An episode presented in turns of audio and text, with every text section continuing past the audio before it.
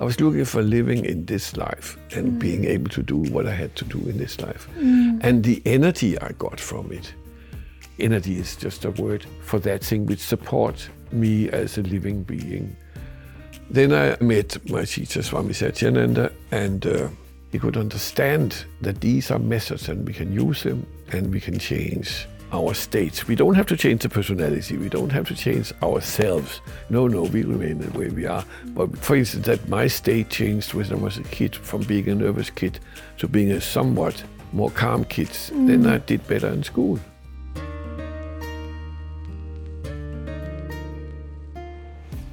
Jag heter Josefin Turesson Kämpe.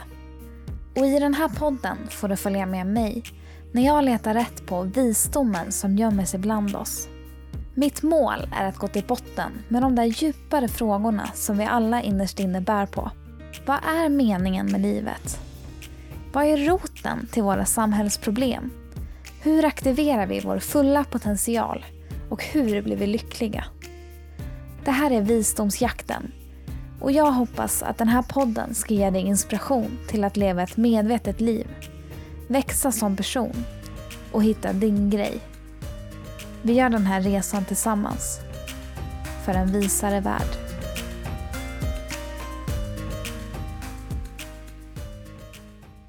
Hej på er! Som jag trodde så har mitt heltidsjobb lett till att jag har ganska lite tid över till podden. Så det är därför det är lite större mellanrum den här gången. Och förmodligen kommer fortsätta behöva vara det ett tag. Om det inte är så att det skulle bli väldigt lugna perioder på jobbet. Vilket det inte ser ut som just nu. Men man vet aldrig. Ehm, men jag märker också att den här nya vardagen har fått mig att uppskatta podden på ett nytt sätt än tidigare. Jag längtar verkligen efter att sätta mig och redigera och lyssna på mina intervjupersoner. Det är som att jag törstar efter deras visdom nästan. Att hålla den här eh, jakten på visdom vid liv i mig själv på något sätt. Um, och att jag behöver påminna mig om att det, finns, att det finns en djupare dimension i livet. Och extra mycket när det är så himla mycket praktiskt fokus just nu i mitt liv med det här nya jobbet och, och så. Så det är verkligen ett plus. Och eh, jobbet är väldigt lärorikt och roligt också. Så jag känner att jag utvecklas mycket som person. Men jag har funnit lite tid till att hålla på med podden. Och nu har det äntligen blivit dags att dela det här avsnittet med er. Och eh, ni som har följt mig ett tag har nog inte missat att jag eh, yogar och mediterar ganska mycket. Och eh, åker iväg på retreater och så. Ibland.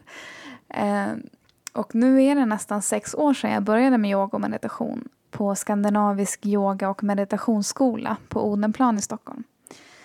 Och under de här åren har jag insett att det finns verkligen en visdom att hämta i yoga och meditation och som blir tillgänglig kring en själv, att man får insikter om sig själv.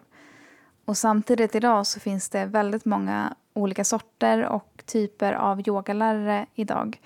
Det har nästan blivit lite en djungel kring de här sakerna och det är lätt att gå vilse där faktiskt. Så i det här avsnittet så kommer vi djupdyka lite i den ursprungliga yogan enligt den tantriska traditionen. Vad är egentligen yoga och meditation och hur kan det påverka oss människor? Dagens gäst är ingen mindre än grundaren av min yogaskola, den danska yogin Swami Anakananda som undervisat i traditionell yoga och meditation enligt den tantriska traditionen i drygt 50 år nu. Och eh, han är idag 82 år gammal, men hans erfarenhet med yoga började redan när han var barn. Som åttaåring så halkade han nämligen efter i skolan på grund av att han var rastlös och eh, hade nervositet och så. Och han fick då tips om en till synes enkel yogaövning men som skulle visa sig ha en så kraftfull effekt på hans sinnestillstånd att han fortsatte utforska och söka svar om yogan sen som ungdom. Och som ung vuxen så kom han i kontakt med gurun Swami Satyananda som blev hans lärare i Indien där han fördjupade sina kunskaper både om yogan och sig själv. Och eh, det var år 1970 som Swami Anakananda grundade Skandinavisk yoga och meditationsskola i Köpenhamn Och kort därefter grundade han också H Retreat Center i Småland och ytterligare en skola i Stockholm. Och I den här intervjun så kommer vi in på massa spännande saker och får höra om Swami Nakanandas resa. Eh, vi pratar bland annat om vad yoga är och inte är och om hur det har gynnat Swami Nakananda i hans liv och varit ett sätt för honom att utveckla lugn, klarhet, kreativitet, närvaro och energi. Och han delar även med sig av sina tankar och insikter kring yogans ursprung, människans natur, medvetandet och dess utveckling, dömande och moral, autenticitet, hur man är autentisk och acceptans, vad det egentligen innebär och vad det har för påverkan på oss. Vi pratar lite om chakran och hur de påverkas av yoga och meditation. Vi pratar mat och kost, hans erfarenheter med det och kommer även in lite på klimatkrisen. Ni hör, det finns väldigt mycket spännande saker här och mer än det jag har hunnit säga nu. Vi pratar också lite om depression och eh, hur Swami Nakananda ser på dagens samhälle. Och mot slutet så ger han också tips på saker som är bra att komma ihåg när det gäller yoga och meditation. Både för nybörjaren och den lite mer erfarne. Och jag är så glad och tacksam över att få ha med Swami Nakananda i min podcast. Och hoppas att det här samtalet kan förse även dig med verktyg och tankeställare som kan gynna dig i ditt liv. Och få dig att ta nästa steg på din egen resa.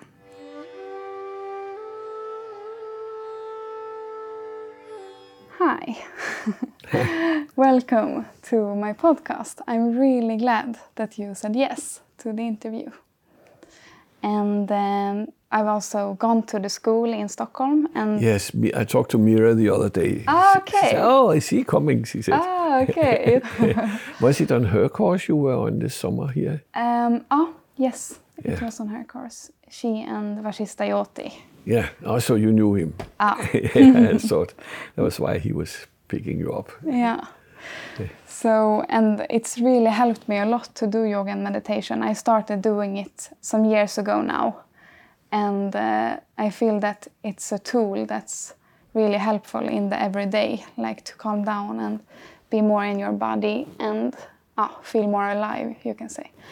So um, I'm really glad that you're here, and uh, I have a lot of questions. Okay. But we'll see how many we, we will have time for. But uh, I would like to start with this question Who is Swami Janakananda? It's me. uh, and who are you? yeah, who am I? Of course, when you say Swami Janakananda, then, then of course I'm a Swami. I, I decided to devote myself to yoga when I met my teacher. I had done yoga for about 10 years before I met him. In fact, I had done yoga since I was a child.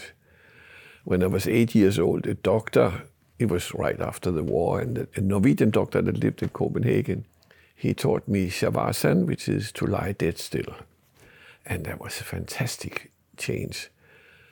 I was a nervous child. My nature is probably nervous, but, but not in a, in a negative way. But as a child, I was suffering from it in the school and uh, they did all kind of things, tested me and stuff.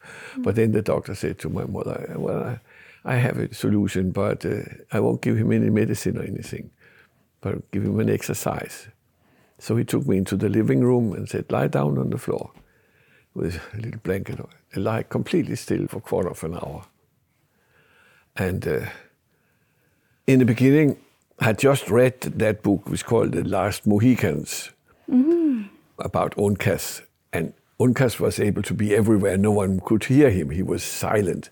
And I said, okay, I'm going to be silent. I'm just going to lie still. I'm Uncas. And then I played a little in the beginning uh, because I thought it was fun. He just wanted me to lie down. But then uh, a quarter of an hour is quite a long time. And uh, yeah, during that period, I realized this is not a game. I have to do it because it has an effect. And I felt my state change. Mm. So I kept doing it for quite some time at that time of my life. Okay. How old were you then? Eight. Eight years old.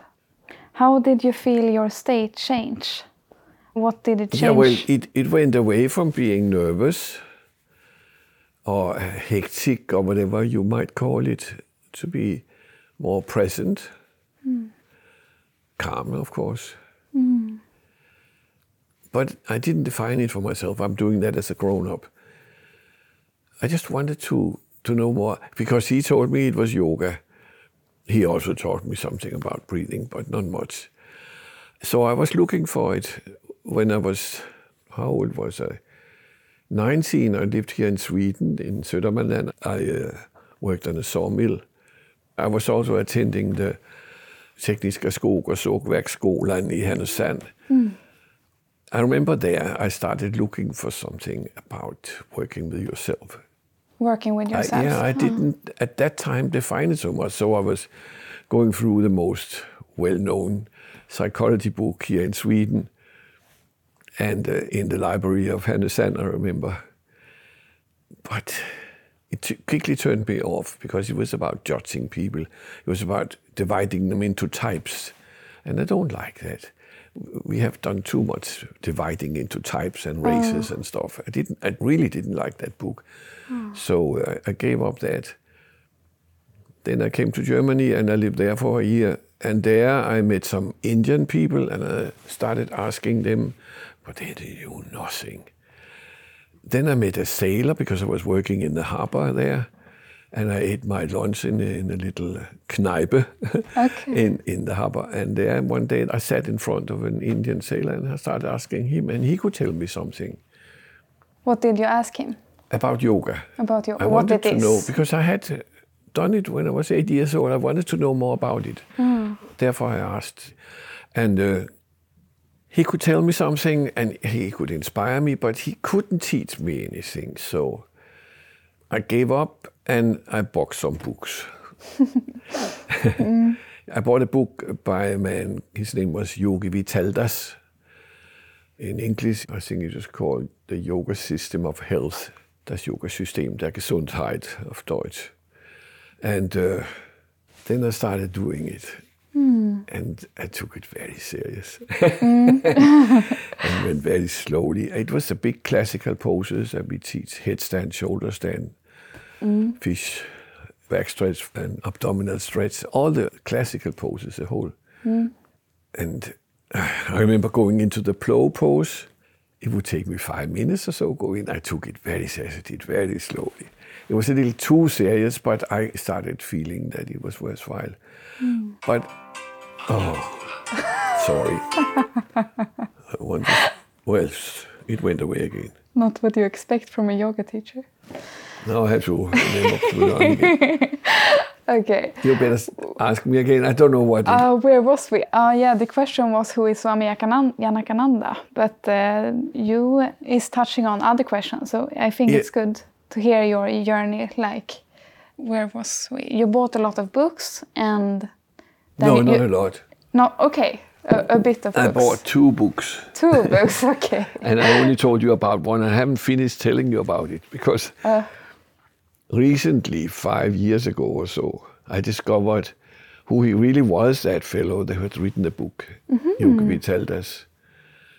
Uh, probably he wrote the book while he was living in India, but he moved to America and uh, he was a yoga teacher of Yehudi Menuhin, who was one of the best classical violin players of the 50s and 60s in, in the world. And uh, Marilyn Monroe, he also taught yoga. And a lot of other people, but I didn't know that. But I took him serious, and he was he was serious and, and short and no nonsense, and I liked that. So I got into it there, and then uh, I came home. Then I went to London, and I looked for more.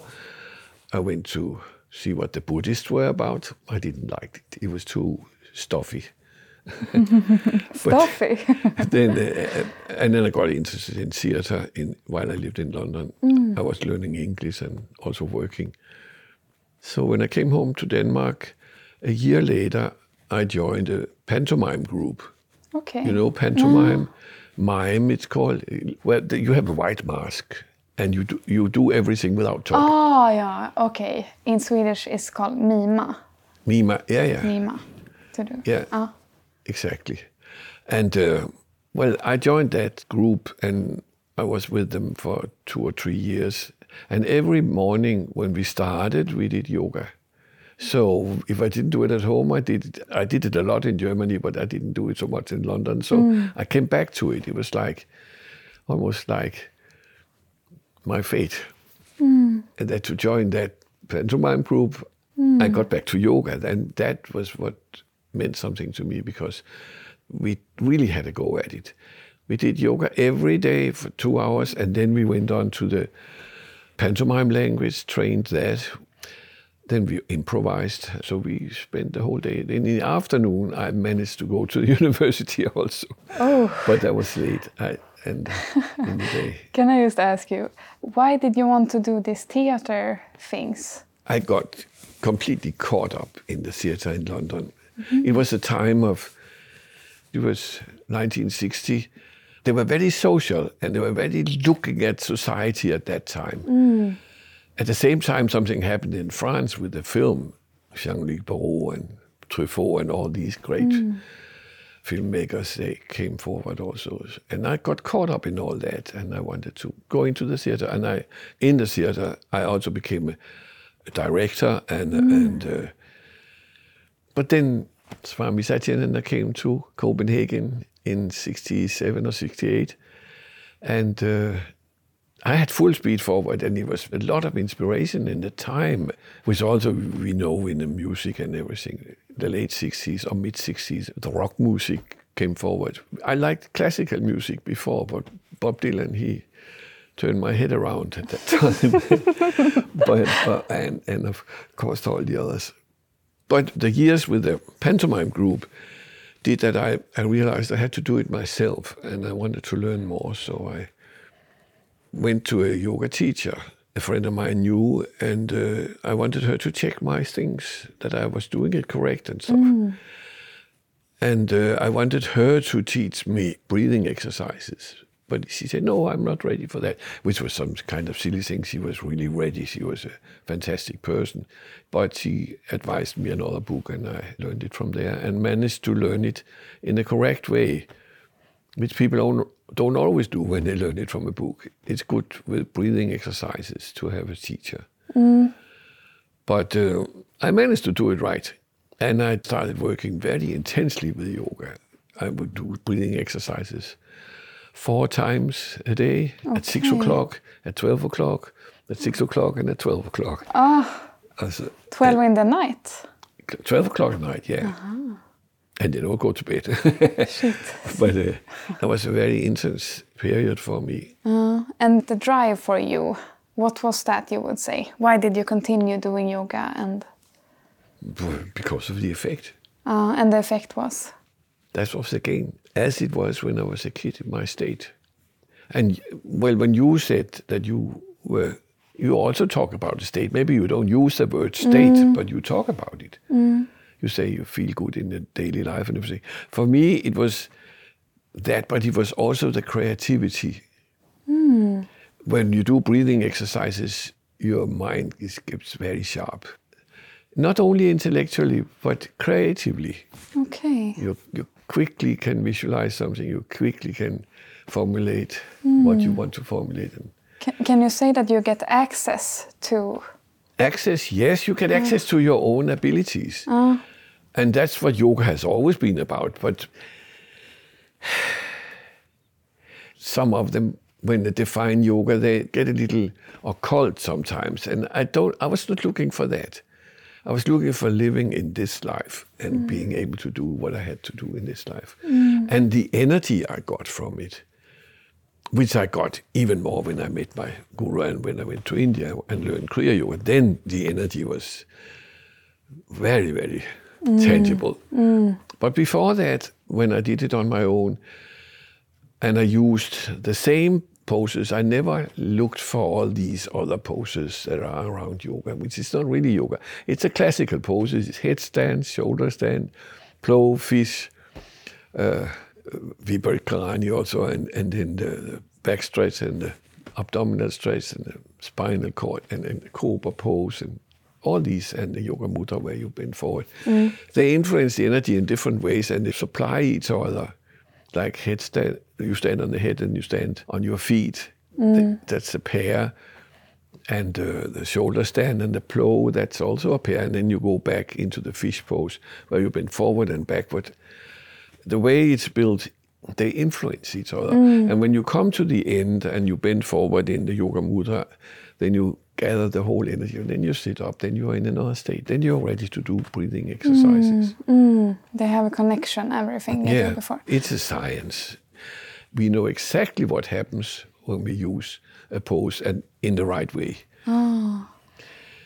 You have learned it in, in the right way. I know you have learned it from good teachers, mm. but they don't always know and they mix it up. And there was the a Swami. He did it with good intentions. He started doing the breathing exercises before the asanas because in Canada his students were leaving the classes. They didn't have time for the whole length, maybe two hours or more. And then he started saying, oh, but they must learn breathing exercise. Then he started teaching the breathing exercise. Mm. And that has become a rule, and it is not correct. Yoga is something that influences you. And if you do the classical poses, you get into a different state. You influence all the organs, all the functions of the body, the whole physiology. And when you come to the end where you have done yoga mudra, where you bend forward and you sit up, then you are in another state. Then you are ready. Then you are sensitive.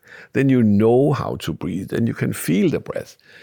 So you need to be in that state to do the breathing exercises, which is called pranayama in the proper way. And pranayama means you get to know about your psychic energy. And uh, one of them is called Nadi Shodan, which means cleansing the energy flows in the body. And that is one of the most important ones. Hmm. I had one question that was like, what is it that you are teaching here at the school? And now I feel like we're getting into that, which is really good because for people who's new to yoga and maybe has done other kinds of yoga, um, Well, there is no other kinds of Okay. yoga. There is one yoga. In the 90s, people started splitting it up like it was football teams. And there were some silly guys in India, they, they claimed that they had reinvented yoga, which they hadn't. Yoga has been in use and unbroken in use for the last, well, they say 7,000 years. I don't know about I can't check that. But I, I know I have a yoga text in a book that is 5,000 years old. okay. And uh, there were great yoga teachers at that time, and around 2,300 to 2,000 years ago, it was very active. And then it has been in use ever since. We find literature and texts all the time proving that yoga has been in use since. And it is the same yoga. What I learned in the pantomime didn't come from uh, India, it came from the Peking Opera. What and via that? Paris came to us. The Peking Opera is a great actor school in, in China, of course. Hmm. And they did exactly the same poses. We did uh-huh. exactly the same poses in the pantomime group as I later on, later on learned from Yogi Vitalda's book. There's so many things happening at the moment, it becomes superficial Oh, and they don't have the personal experience of yoga, of mm. going deep and knowing exactly what happens when you do a yoga mm. pose or when you do a breathing exercise. You also have some theoretical knowledge, of course, that we have included in our yoga teacher mm. education, but the most important is the personal experience. The experience as such over a period of time. but how would you define yoga? how do I define it? I'm thinking about it in a special way. I don't want, I mean, it's obvious that it is exercises and breathing exercise. It's techniques. I would say I teach from the tantric tradition, which is not that silly thing they use tantra for today. They find out it's good enough to have all kind of ideas and dreams and uh, mythologies and stuff. But no, let us use methods. We don't have to be intellectualizing the things. But when we use a method, we know that it has an effect. And that is a scientific, applied science in the sense you use this method, you get this effect. Not only the effect in the sense of a result, but also the effect in sense of what you experience. you can do an exercise and you get more energy, you get more concentration. But you can also do an exercise where you feel something is happening within you, not only the mm. outer expression of, mm. of concentration or being creative and stuff. Mm. So they have defined yoga in, in many ways. They say that yoga is to be one with yourself, to get an integrated personality and stuff like that. And there's no doubt that yoga is spiritual in that way. When you start working with yourself, I like to see human life on this earth. We can see the people have a certain intelligence. They are able to do things. They're very conscious. We speak a language. We are intelligent and we do things. We invent cars and we are stupid enough to do that and stuff. But uh, if you think about Darwin, who goes to the Galapagos and, and discovers the whole thing, he has a fever, so he's also in an altered state. And therefore, he sees very clearly the things. Yoga is also about altered state, but not in fever, but, but uh, when you are in that altered state, you do see clearer, you do see through your inhibitions and, and your prejudices and things like that. And, and uh, he talks about an evolution, but it happens to us more or less by itself. But the day you start working with yoga, it doesn't happen by itself. It doesn't happen unconsciously. It happens very conscious. You join your own evolution in that you work with yourself, that you that you start mastering yourself and see things clearer because you do that. Hmm. I don't believe that you have to join any kind of of religion or mythology in that way that you have to live according to certain rules. I don't believe that. Hmm. I believe that you work with yourself, you get to know yourself. Of course, you have to share knowledge with other. And I needed a teacher at that time. I could see that. I wanted to learn a yoga that is very powerful. It's called Kriya Yoga. And uh, I couldn't learn it by myself. I had read a book that talked about it, but it didn't describe it. So when I saw this man, I didn't want to go and listen to him. One friend of mine came and said, There's a yogi in town, let's go and hear him. I said, ah, I don't care. But he showed me a picture of him. He looked intelligent. I said, Oh, well, maybe I should go and hear him. And then, then it turned out that he was teaching Kriya Yoga, so I decided I would go. And then I stayed there. Okay, so Tantra yoga is the thing that you teach mainly. Yeah, well, it's yoga, but I teach it from the tantric tradition in the sense that we look at it in the way I've just described mm. as methods, and especially the meditations mm. are typical. I mean, that is definitely tantra. It's not based on emotions. It's not based on that you have to im- imagine things or living up to some ideals, but it's some methods that you do. You influence the energy, you influence the concentration, and you do it very efficiently. Mm. But uh, when you say yoga, meditation is included, like it's not separate. Yes, for me it is. Okay. In the Tantric tradition, it's described as eight steps. There's also something called Raj Yoga that is a little more to just concentration and a little more with ideals. That is also called eight steps, but there they start with some rules what you ought to do and what you ought not to do. But we start with cleansing processes, and we end up with, with uh, deep meditations that are linked to some of those steps. Mm. So it's like gradually you begin with cleansing the body, like nose cleansing, you mean, and Yes, you don't have to begin with it, but it will be more effective. It will no, but yes, it, I I use neti cleansing the nose practically every day, uh. and occasionally we will wash the intestines to get any kind of build-up of tensions away. Mm. And Yeah. after that, you do the physical asana yoga, it's called, right? Yes, Ah. all that is a foundation where you remove obstacles that mm. will stand in the way of your concentration, of your deep states, or whatever it is you are achieving with meditation. Mm. It gives a good foundation. Meditation without yoga, well, it's possible, I suppose, but mm. It- It's easier. yoga to- gives you a good. And yoga is so solid that people settle for that alone. Ah. So then there are people who don't learn more about meditation and stuff. But for me, it belongs together. Mm. And as I said, you go through the asanas, the different poses. Then you're ready to do pranayama in the same sequence, not another day. Mm-mm. and when you've done pranayama, then you're also in the state where you could go on with a deep relaxation or a meditation. Mm. But you can also, even though you do yoga in the morning, of course you can meditate in the evening if you want that. Mm. But early morning is a good time to meditate. Late afternoon is a good time. Mm. Late afternoon, you come home from work and you prepare yourself, and then you have a good evening. Mm. because it does influence you. I mean, in that way, you could say it's selfish. You do it so that you feel good, but it's not only selfish because people benefit, other people benefit from you doing yoga. Yeah. We had a Norwegian student here. He was almost as old as I am today. I think he was, yes. And uh, he came here on the summer courses every year, 14 days. Then one year he wrote us a letter. At that time we didn't have emails. He was in the 80s. he wrote us a letter and he he said, "No, I can't come this year because I can't afford it, and my life situation is not so good." When his family and his friends in Norway discovered that, they collected enough money to, so that he could come hmm. anyway. So he came anyway. He said, hmm. "He, you're so pleasant to be with. We are so happy every time you have been to those courses and you come back." Uh-huh.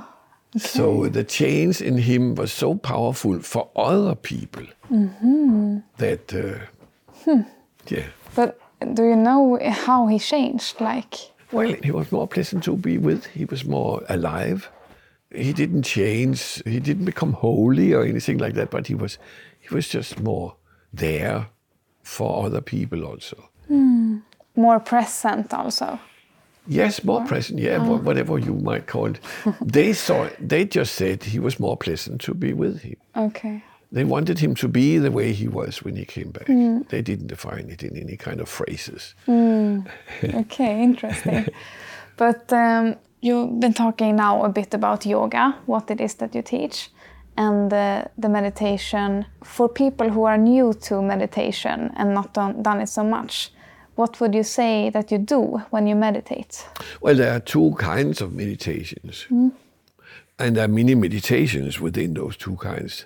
One is taking a starting point in dealing with the mind, and only that. Mm. The other one takes a starting point in the body and in the energy and in concentration and visualization. Mm. They are different in that way. Here you, you become a witness to the activity of your mind so that you don't all the time identify with what kind of emotions and thoughts come through your head. Mm. I would like to use an old picture I was young in the, in the 60s and there was a revolution going on. Of course, there was. And that was part of why I went to India. But already in the 1920s, a lot of things happened, not to so many people, but to a few. An elite, a lot of artists and a lot of writers had these uh, insights, and there was a lot going on. And of course, we had gotten out of the First World War, so people were also flipping out a little bit out of, because of that. And originally was a French writer, I don't remember his name, but uh, an English writer, Virginia Woolf, she made it famous. She said, the stream of consciousness. She was looking at the mind as something that was just flowing by, thoughts. And she, she even in her books writes about how a person is thinking. Like there's a woman and her husband that are walking back home from the village to their summer house in South England. And while she is walking, she's thinking of the flowers next to the road, and she's thinking of her husband and whether he will keep his promise that they have to sail with their children to a, an island off the coast where there is a lighthouse. And uh, then she's thinking about that woman that has come to visit them, who has difficulties with her love life or whatever it is. And, and all that she describes in her mind. She's actually describing the mind, how it actually is. Now we are sort of concentrated. We also get other thoughts coming in while we are sitting here talking, but mostly we are concentrated. But if we go around, then there will be different thoughts. If, for instance, we go along the the road with another mm. person. we will be thinking about, ah, oh, it's nice here, and then we'll be thinking about the person, and we'll be, mm. you know. So she's describing that. She claimed I don't know. I have no idea of knowing that, but it was a bold statement. She claimed that in a certain date, I don't remember the date, in 1921, something fundamentally happened to the human consciousness. Mm-hmm. I don't know, but if I look at literature, especially the theater, it's very clear. Then we can see up to about that time, theater is types. Types? Ty- yeah, it's types. It's not personalities. Mm-hmm. You have Pierrot, you know, like in the old. It's types, most of it. Then, since that time, it happened everywhere. It happened in Russia. There was a great theater man, Stanislavski, who also started working with the subconscious of the actors, how they could awaken true emotions that are based on their own life.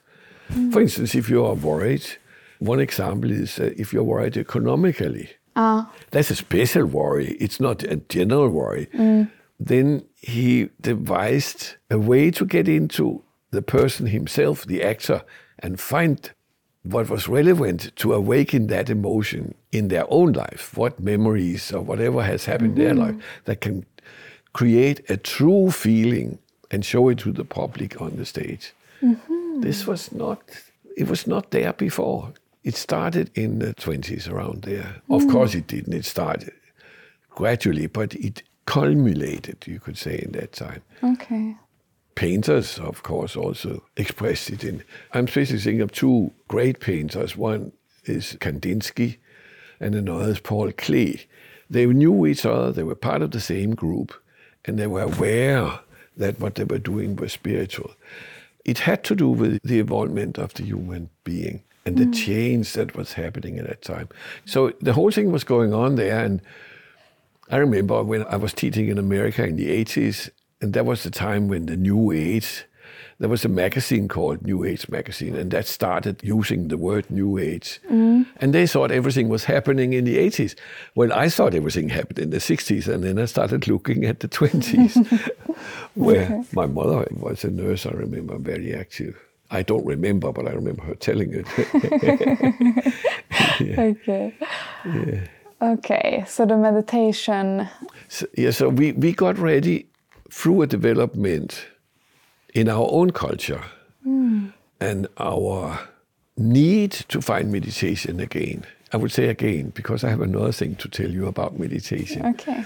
I'm telling you that we are working with the mind and we can work with the energy and the energy flows. But there was a third meditation that I, when I was 40 years old, I suddenly said, hey, come on. I meditated as a child. I did it with my mother, but especially with my mother's sister, mm. my, one of my aunts.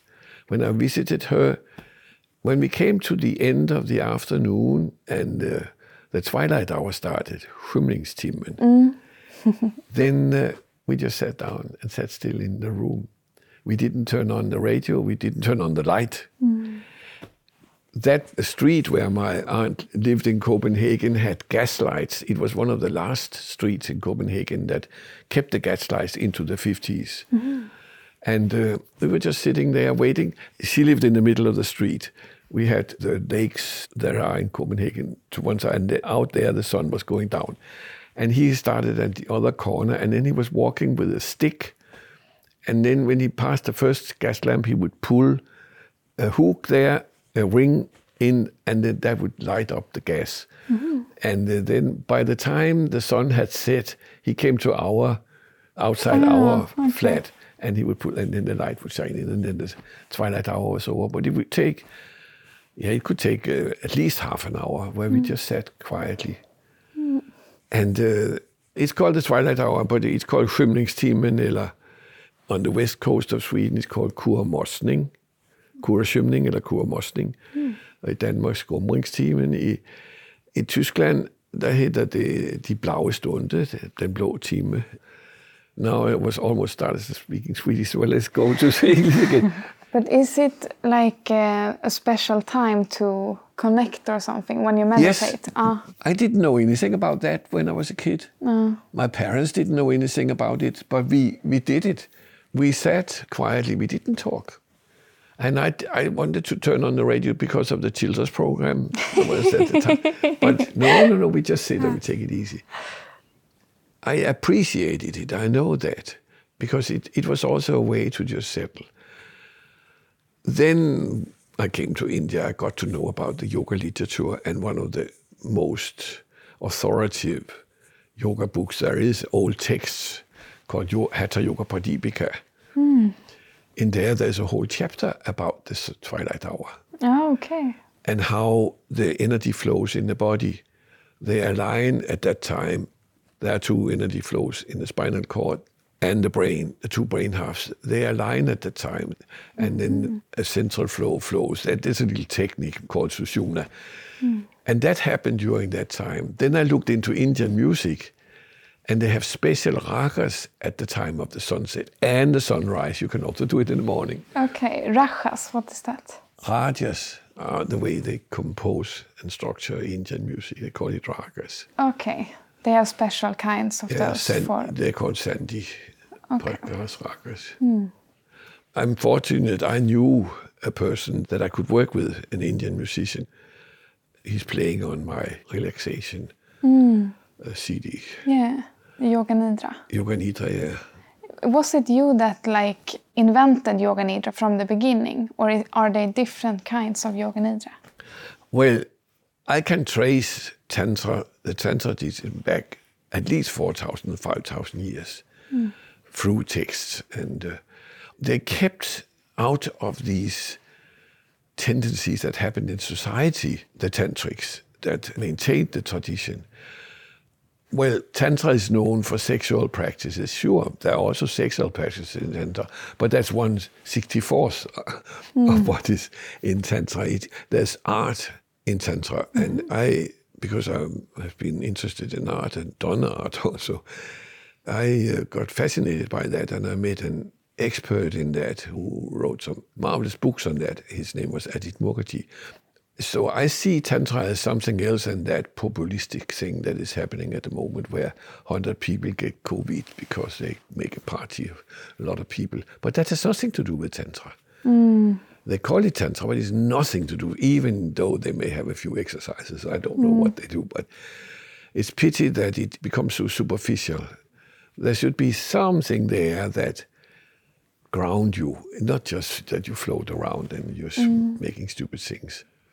But what I wanted to say about the 4,000 years or 5,000 or more, sometime, maybe 4,000 years ago, the suppression of the women starts in Asia, all over the world. We know that. I was once, uh, when I was very young, 19, 20 years old, I was, had, was engaged to a French woman, and I stayed with her family in North France, near Lille. And on Sunday, I saw all the girls having their scarves on and, and going to church. I've been thinking, yes, they were about to take it off. Now it was just a scarf. Hmm. But they had to have it on. Hmm. And we are blaming the women in, of course, we are also blaming the men because it's horrible what's happening in Afghanistan and places, hmm. how they have to cover. But it became suppression.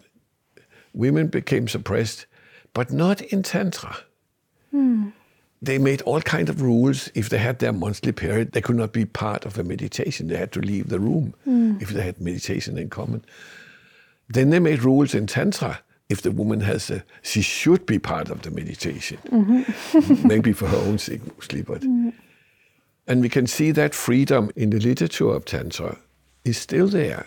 The respect for the women are still there, and, and it's stressed very firmly.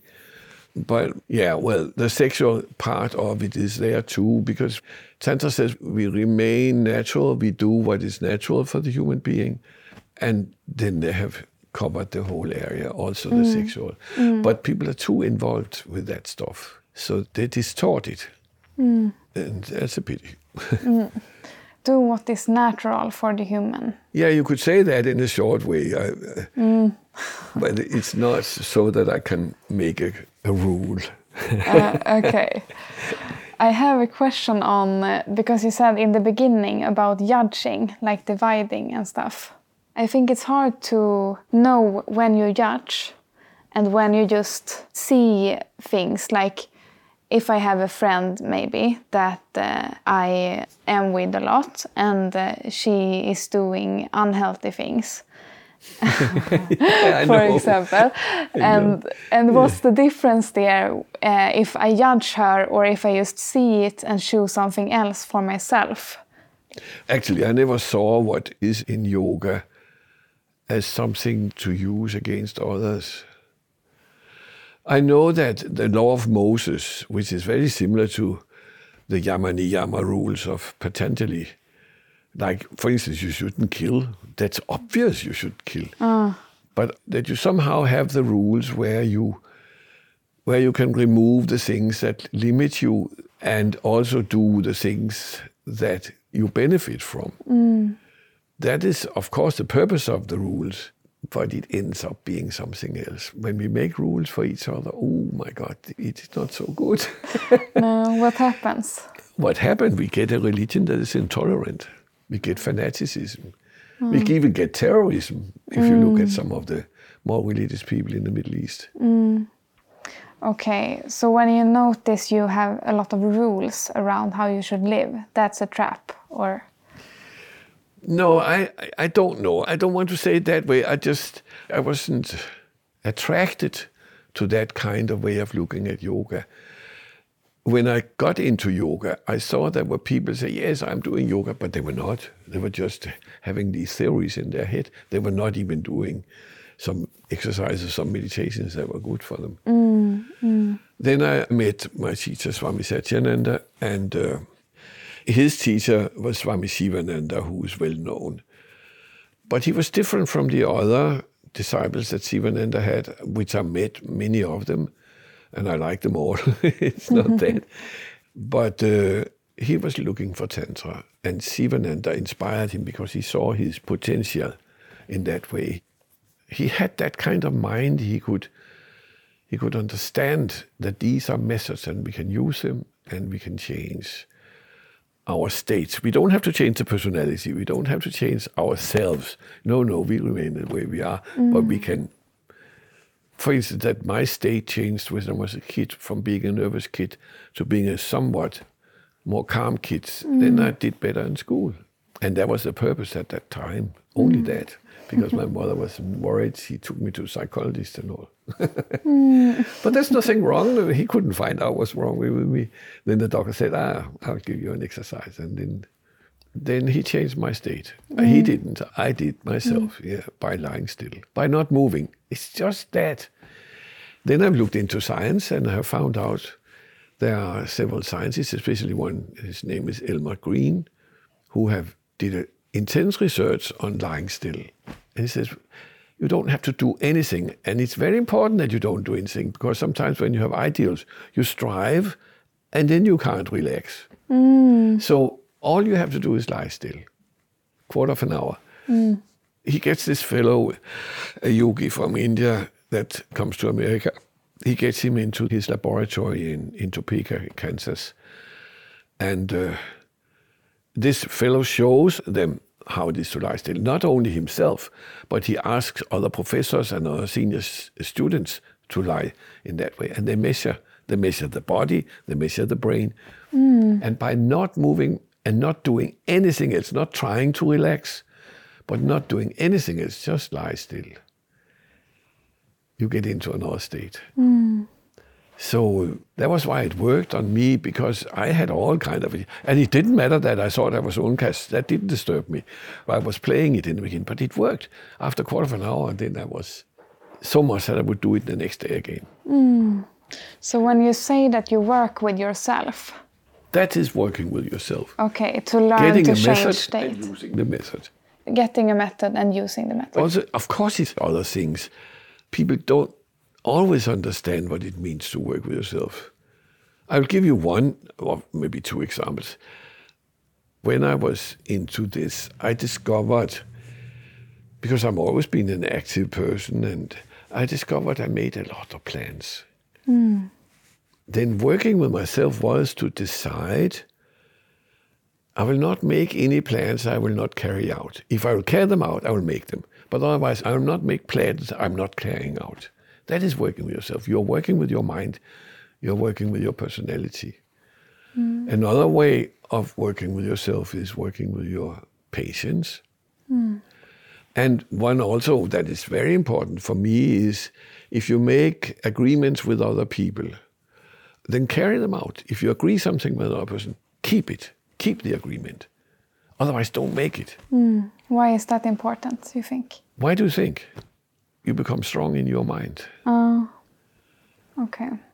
I remember when I started teaching, there were no, not many people teaching in Sweden. In Denmark, there was for some reason a yoga tradition earlier.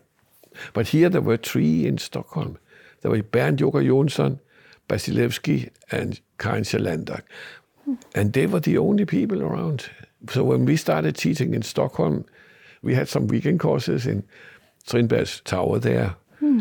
At that time, they, they had Vattumannen already ah, Okay, and the they bookstore. arranged those courses for us. But then I saw throughout the 80s, 70s, and 80s, there were not many people teaching yoga at all. Then I mm. saw now a lot of things are happening. So I told the yoga teachers here, now yoga is turning commercial. I said to them. and there will be all kind of yoga coming, and they're too fast. They think yoga is very good, and they hurry it up, and they will hurry up the education, but it will not be a proper education, unfortunately. Mm. What is the most important thing you would say to teach to aspiring yoga teachers? The most important thing, as I said in, a little while ago, is your own personal practice. That you get to know the asanas for yourself, how it works and why do you do yoga, that you know when you do it. And in a yoga teacher education, you need time. Also because they have to get the idea of what it is to work with yourself. Mm. And of course, the practice of yoga, and that they get proper instructions so they don't do it wrong it's not that easy. I remember I came home from India and I met a person that I knew before, and he had gotten hold of the same book as I learned breathing exercises from in the in the 60s at home. And uh, he had misunderstood. He said, I, I don't understand. I do this particular, it was a particular breathing exercises that is called Bhastrika, where you blow like a blacksmith's bellow. And uh, I get dizzy. Then I said, That's funny. Can you describe for me how you do it? And he described it. I said, That's funny. Then show me how you do it. And uh, the best is, uh, is done in a fast way, or rather fast, light, fast way. but he was not doing that. He understood the speed. He was doing like that, and after doing that for some time, it, he got the effect of hyperventilation. So this is just an example, and it's a cruel example, but but uh, you have to know how to do it. You have to know how to get into a pose, to stand in it in the correct way, mm. how to move, which pose follows, so that they supply each other and uh, supplement each other, and, and like that. Mm. That's one thing. I think you have to get to know a little bit about your physiology oh. It's not so that you have to do it very much. It's better that you know the yoga from within when you do the exercises and you know the effect. It's better that you know your body yourself than you get it from an anatomy book. But we, we do include some of that also. Over the years, we have done a lot of research with uh, different scientists from Denmark, from Germany, a little bit here in Sweden also, on the breathing exercises and how much oxygen you take in and stuff like that, how oxygen level is in relation to when you hold the breath and stuff. Mm. And it was very positive. And people have been here on the three month courses, six years in a row, measuring us, measuring the blood content of the blood, the hormones, and everything. And what did they discover? Yeah, they discovered that good things happen. Good, good things happen. yeah. Well, one professor that we had, he uh, measured also the effect on nostril breathing. And from here, he took it to Hanover. He went into the Volkswagen. Volkswagen, what is that called in, Folkhögskola? in, in, in English? Volkswagen. Is it the car you meant? No? It's a car. Uh, I think it's. Vol- Volkswagen. Yeah, well, whatever. their, their big factories are near Hanover. And uh, he was then measuring how it did for the workers to do neti, to clean the nose. Then he went into the German army, where he was measuring people that had just been called in For the first three weeks, they usually get tremendous colds because they have to go out in all kind of weathers. So mm, it's generally speaking, people have a cold when they start in Okay. the army. and uh, he could show a great difference. Those people who had done neti, they didn't get it. Like, They didn't get a and they cold. even now, I saw one article I got from a friend that was in a newspaper from an Indian hospital where the doctors did neti while they were working with the COVID, mm. and they didn't get it. And they've done the same kind of research in California also with neti that it protects. Because if the COVID is uh, are in drops in the air, then where does it end up to affect you in the nose? If you do neti, so what? Saline water will make it impossible for the virus to live there, ah. and also it will enhance the transportation of slime out of the of the ah, body. when you do nose cleansing. Yeah, And that you do with a little pot, saline water. Ah. Yeah, for me that is very good. It mm. also gives you a, a more clear head. Mm, mm. It really I do it every morning also. Yeah. we had one student. She was an opera singer. She was deaf, but then she started doing neti and stand on the head. And then the death went away, and they, they found out What? that, that she was cleaning it so much. It was not a miracle, physiological. She was cleaning all the passages, and, and then she started hearing better. But I have had a problem with a lot of wax also. But uh, I wanted to ask you, um, I would like to get into the chakras a little bit. Not like talk about they specifically so much like in details, but a little bit what are the chakras and uh, how do yoga and meditation affect the chakras? It's an advanced question. You don't have to know about the chakras to do yoga, but it's good if you do. And if you meet things on the way that you know what it is.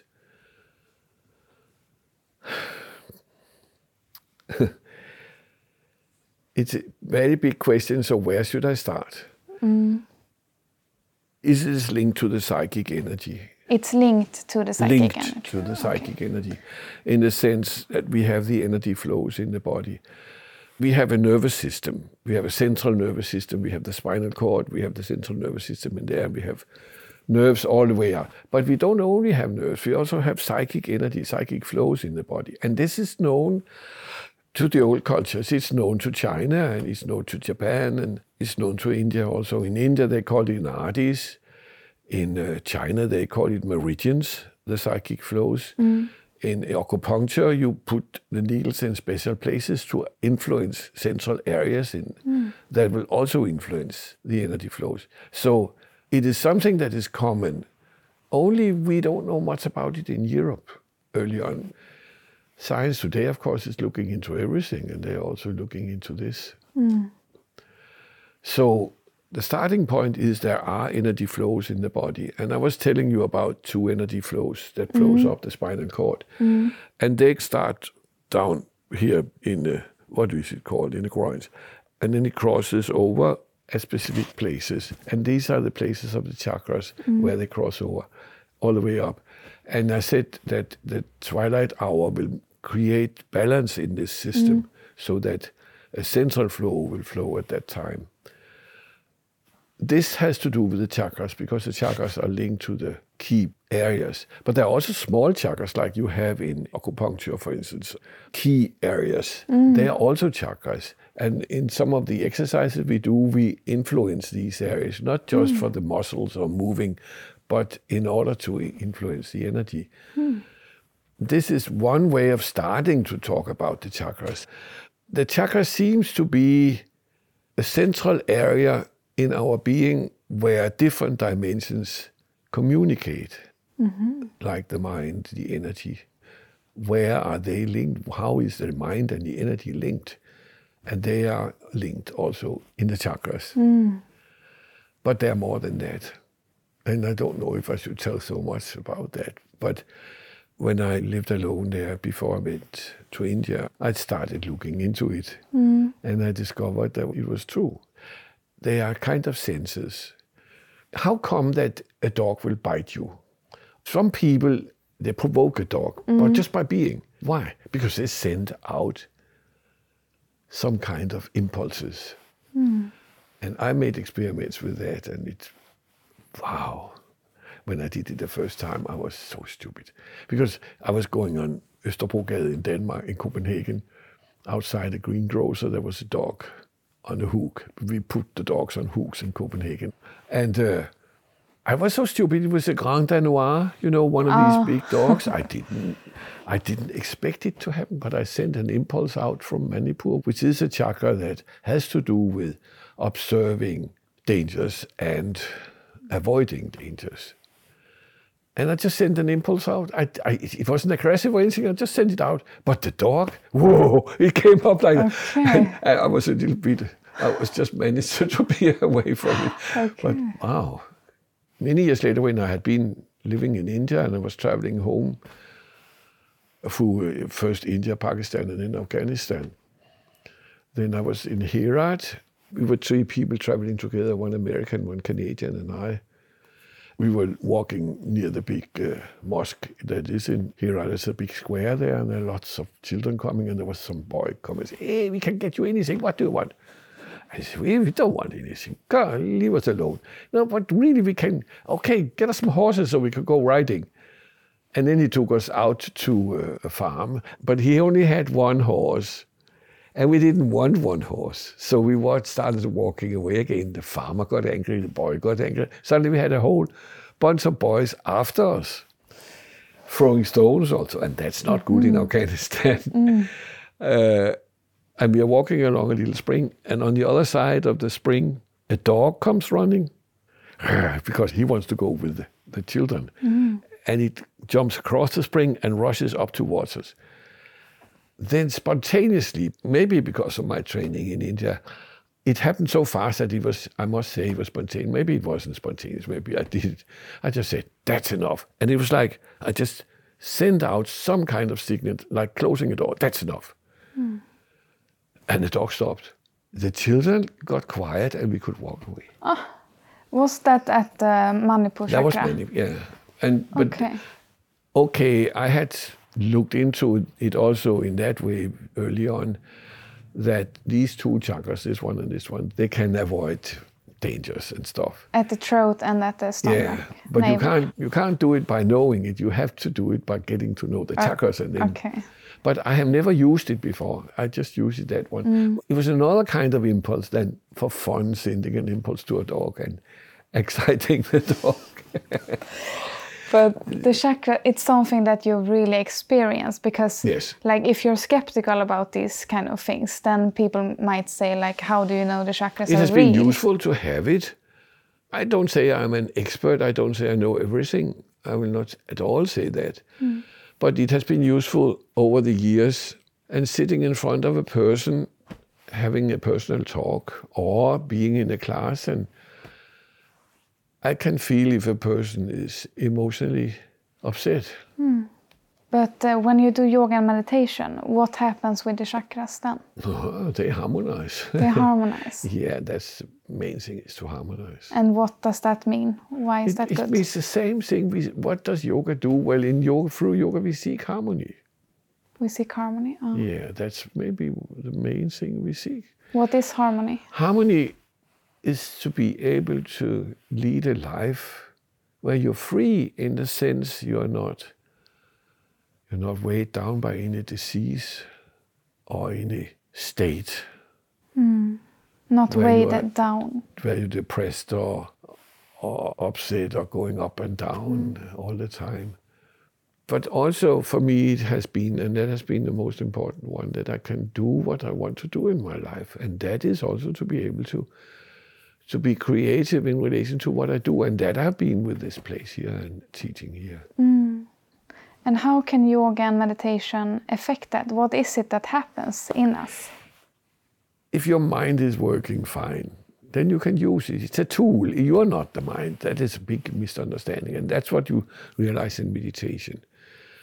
But when you see the mind as a tool, you can use it. You don't sit and use it like a typewriter, no, no, or a computer. But you are more yourself in relation to the mind. You are not the mind. So if the mind comes up with silly ideas, you don't have to identify with them.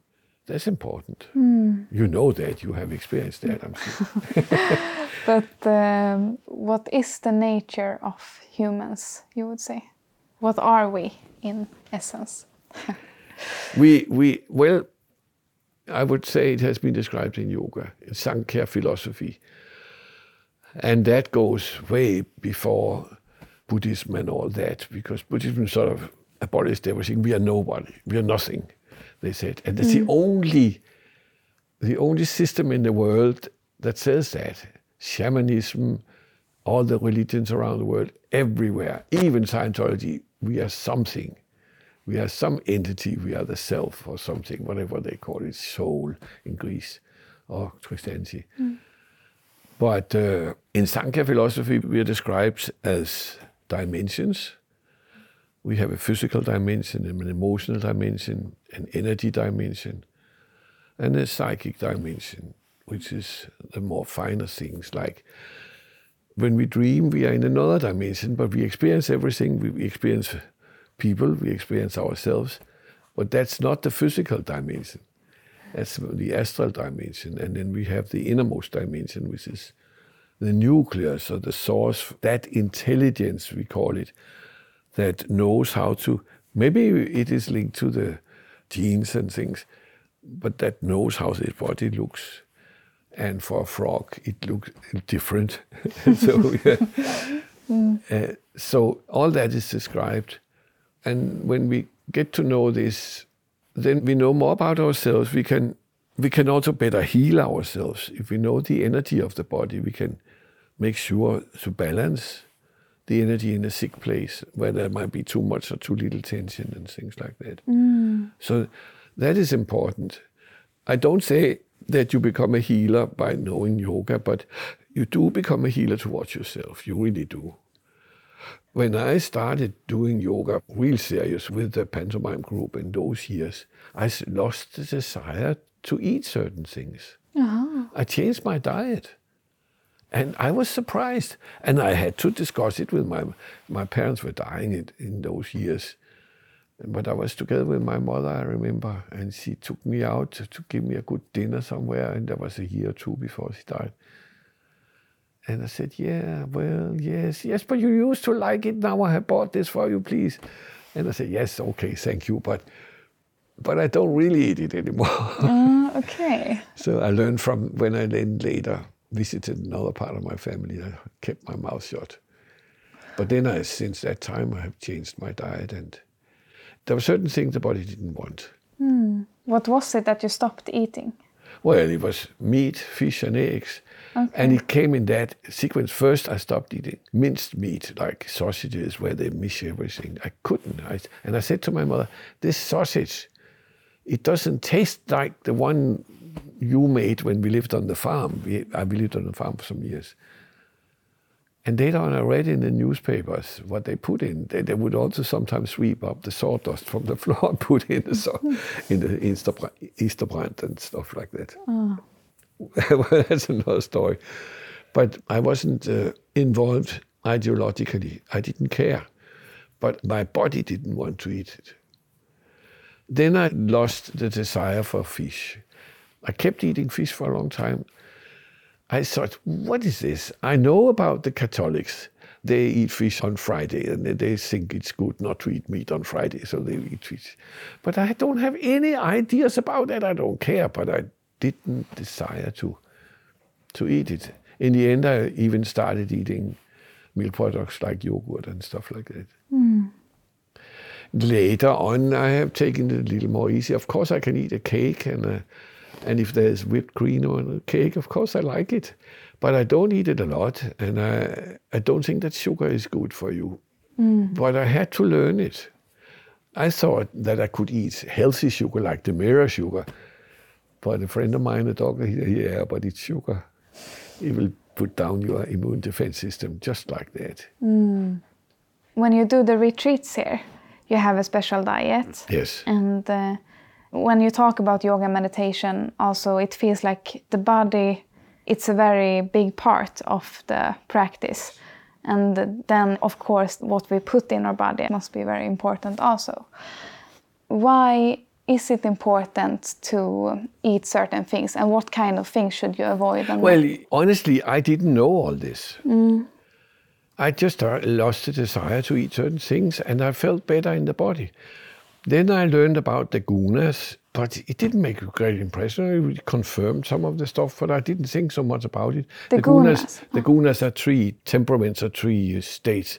One is a dull state, tamas. One is active, but it can also be too active, like when I was nervous.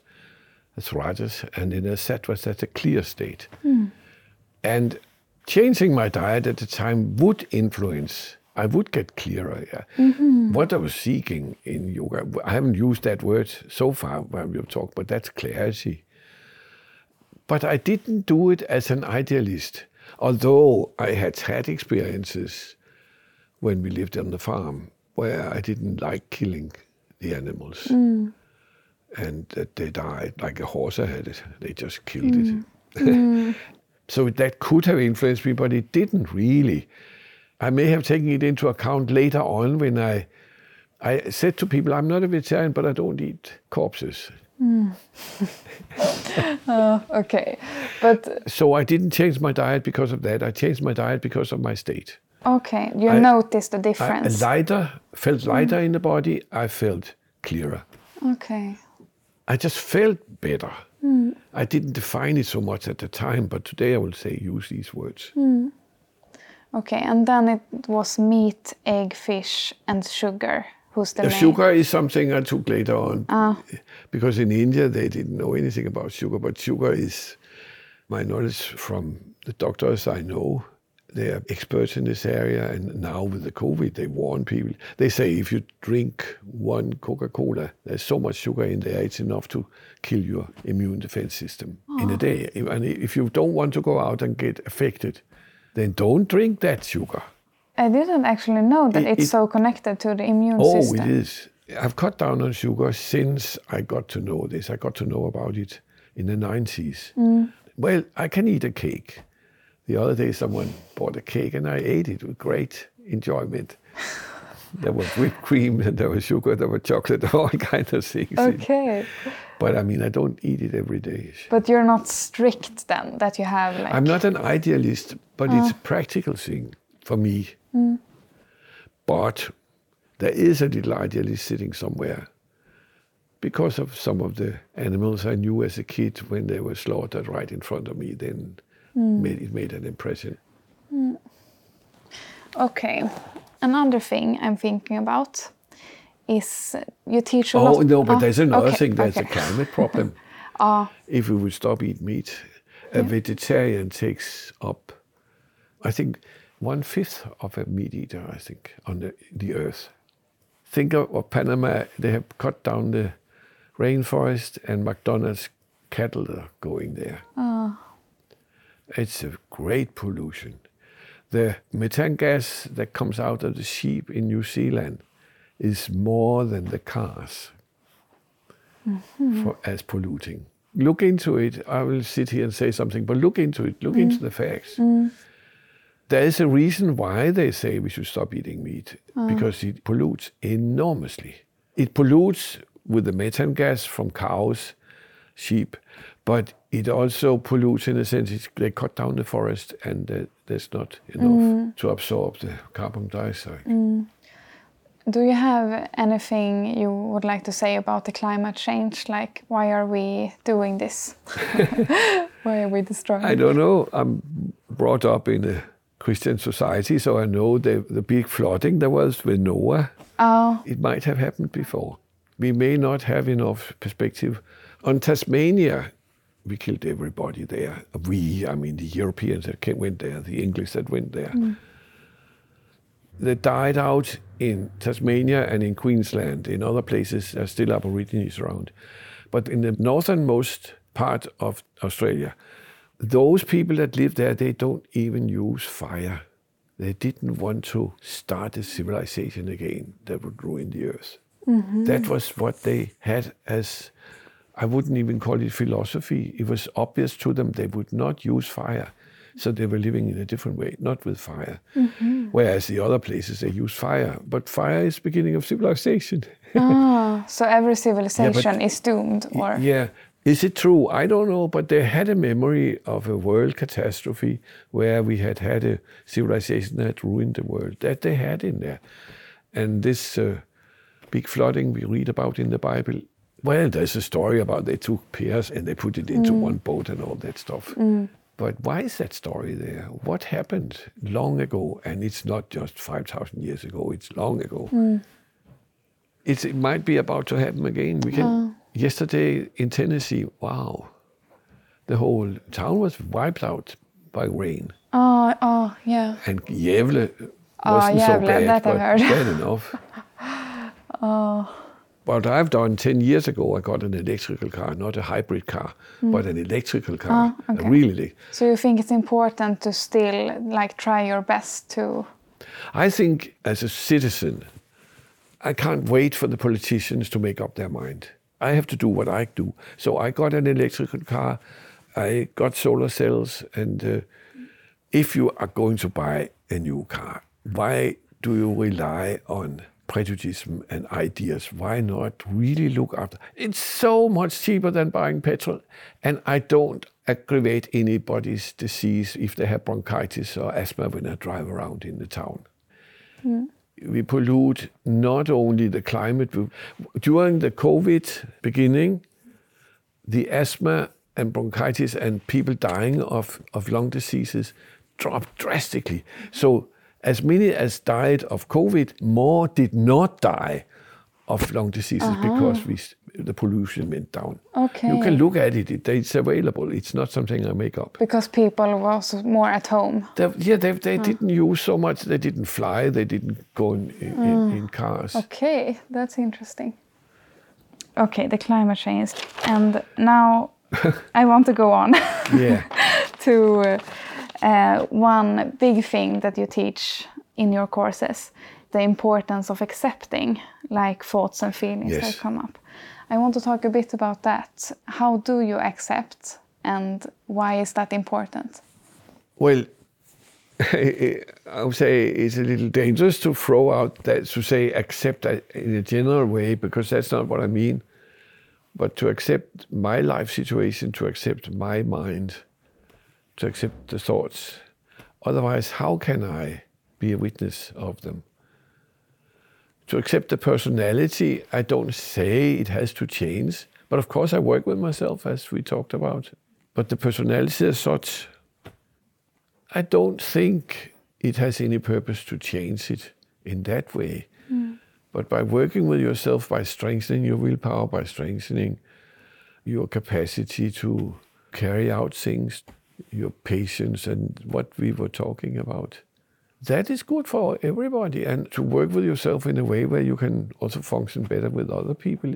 That I've heard a lot when I listen to what my students have said. And one of the things is I function better with other people. Hmm. And why is that, you think? That is because of the harmony. It is because you take away tensions. Why do we build up tension? Now we talk about stress, and stress is a main thing. Of course it is, but there are other tensions. We had a student, I will tell you, this is a little story, and stories tell more than facts in that way. We had a student from another country. She came here and she took in a 40 day course in the middle of the summer. And she was complaining about everything. She was sour. She looked grim in her face. And the Thursday there we have saltwater cure where we drink a lot of saline water and get it out through the intestines. Mm-hmm. That takes away a lot of the tensions. Wow. On that day, she just changed. Her face looked different. She was kind to us and she started really enjoying it. She was carrying a lot of stuff here. Mm-hmm. And if you can lose that energy, if you can lose that tension, you will immediately feel different. Hmm. Maybe you have been very afraid once and you have felt it here. In the stomach? This is my explanation. I would rather just leave it to the story. But she changed from, I was so surprised. I mean, I have been teaching for 50 years at that time. And I see a person change from one day to the next. I wasn't a teacher here, but I was here and I got it described. Hmm. Yeah. okay. Um, I also wonder about authenticity Yes. because that's one topic that I've been like thinking about a lot. Like, why do I feel authentic now, but not when I'm with this person or in this situation? How can I be authentic always? But you don't have to. Just be yourself. Isn't are that authentic. being You- authentic? if you're true to yourself, you are authentic. And what does it mean to be true to yourself? Well, you do what you like to do. You, this job you do here, I can feel that you are enjoy it and you feel that it's worthwhile. That's authentic. You, you carry it out. Hmm. What, what, what else is there to worry about? Oh, I'm thinking about like reactions and the way you speak that, that you can feel calm and grounded always. I don't always feel calm and drown. I would say I've been traveling a lot, and the day I pack or the day before, I can be very stressed. Okay. but so I'm stressed. So what? I'm not stressed all the time. And then when I sit on the airplane, it's all gone. Or whatever. when you Train. when, I you sit on the train. Yeah, okay. when I'm on my way. Ah, okay. So then have acceptance for that. Acceptance for that, you get stressed occasionally. Even I had to, in the beginning, my teacher came to Copenhagen. The first year he came, after I, I had come home from India, and we were sitting eating, I think we were alone. We sat on the floor because usually there were many people. So we did it the Indian style. And then he said to me, Hey, Janakanand, you have got to be much more aggressive. I said, Swamiji, you don't mean that. I really resisted that. My good upbringing by my parents and stuff, I can't just be aggressive. No, no, no. Mm. But I got more aggressive in the teaching. And I learned to accept that anger I had in me.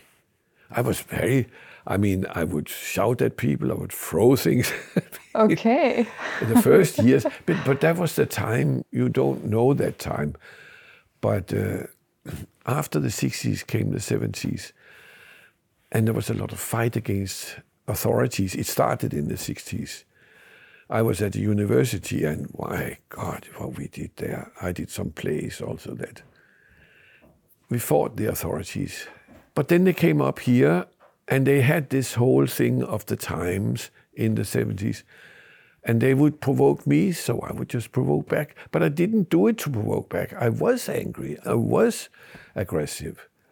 And I got so popular. I thought I would get unpopular. I thought I could close the school, but I didn't. People kept coming. Maybe because I was honest. It wasn't an aggression just for being mm. aggressive. Mm. It wasn't against anything. It was just in the situation. Mm. I wasn't all the time. I was not, as I said, I was not only aggressive, I, but there was part of me. But that little part of me, he said, you should allow that. But I can't sit and say that I will teach people to be aggressive because that's not right. And that's not what I mean. But I, I, I met something in my personality that I really needed acceptance and not afterwards bad conscience or something like that. No, no, no. It should remain there. It doesn't always. Uh, I have a lot of bad conscience. Yes, but work on that. Accept that. and, and ask yourself is it really necessary to feel bad conscience about it? Whatever it is, I don't care. But you know what.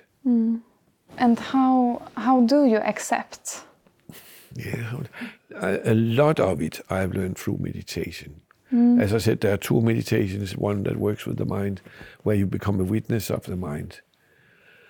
And when you are a witness of the mind, you don't. Uh, it's in depth psychology also. It's called de identification. You don't identify with what's coming up, you don't identify with the thoughts. You just look at them, let them go. You can't always do, but then accept them.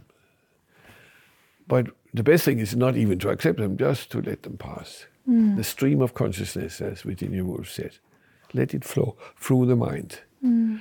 The mind is not you, you are something else. The mind is a tool. Mm. There are some people that think that mind creates everything. It doesn't. The mind is on the surface level of our being.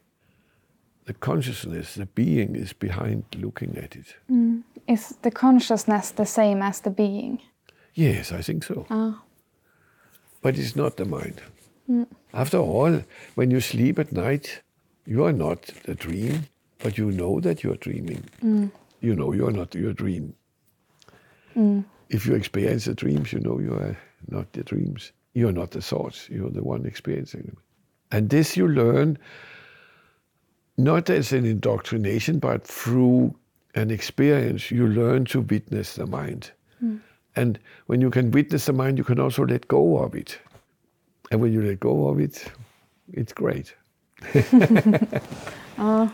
Okay, great. Um, I also had a question that I think we've been touching on, but uh, the nature of consciousness, what you have discovered about that. There are some, there are many meditations er that teach you how to find out of that. Mm. But if you, it's a realization that you are, that you exist, that you are the one experiencing. And no matter what, what the mind says and or whatever else, that is not you. So when you ask yourself who is experiencing that, then you will know what the mind, what consciousness is. Mm. Also that you know that you exist. Hmm. And that's quiet. It's a silent thing. Hmm. The meditation that deals most with it here is called inner silence. It's not an advertisement for that you would be silent within. No, it's what you really are. The mind might be doing a lot of fuss, but you are the silent one behind it, watching the mind. Hmm. So you could also call consciousness that, because how could you experience anything if you were not silent? Mm. You have to be silent in order to see and hear and feel everything. It's like the center of the cycle that's quiet, even though everything else is not. Mm. I just want a little bit to go back to this about judging, because one thing I have trouble with is how do I say it?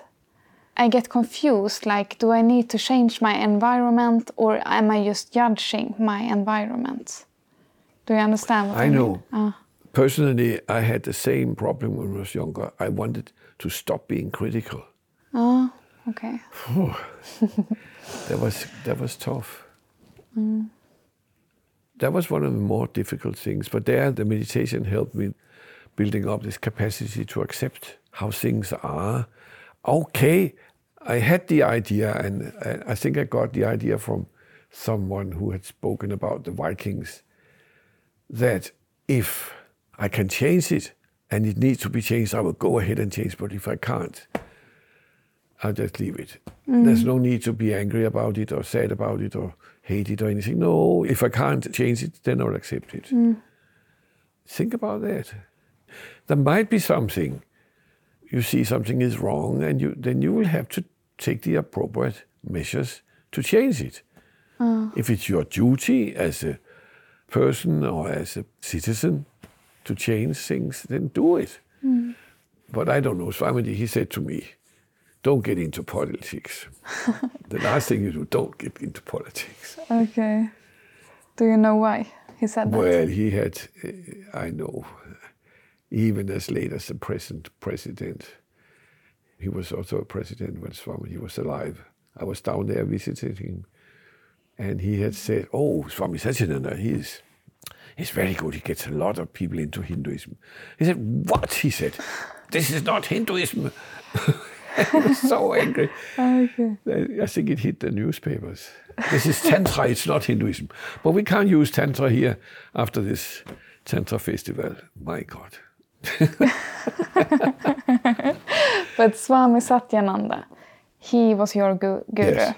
and he also gave you your name. Yes. Ah. How did you get your name? What does it mean to be? Through an initiation. okay. And he chose a name and he chose well. I like the name, but it has also been a challenge to find out why did I get that name. There was a king. His name was King Janaka in a tiny kingdom right next to Nepal. He got known because he was inviting wise people from all over to his court. And he had a public there and they were writing down everything. And that was the beginning of the Upanishads, some of the greatest texts in the world, not only in India, the Upanishads. And uh, he was wise himself, but by asking the other wise men, like you asking very serious questions, they would explain, and in that way, that knowledge which was present in India at his time got written down in the form of the Upanishads. Mm. Some Upanishads are strictly about yoga, others are not. And not everything went through King Janak, of course not. And they were written down over a long period of time. But he's known to have taken the initiative. Yeah. Mm. Well, and then it means source. The name? Yes, okay. also. Source of, of joy. Janak Ananda, source of Ananda. Mm. source of joy. Yeah. Okay. He's not my ideal, I have said that also, but he was certainly a very good teacher and a very good trainer. Mm. He never criticized. He would simply change the situation until you realized what was wrong. Ah, okay.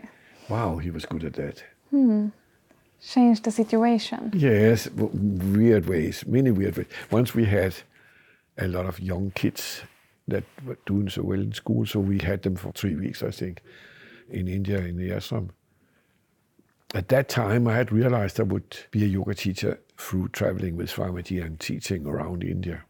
So I was a little too eager, a little too involved.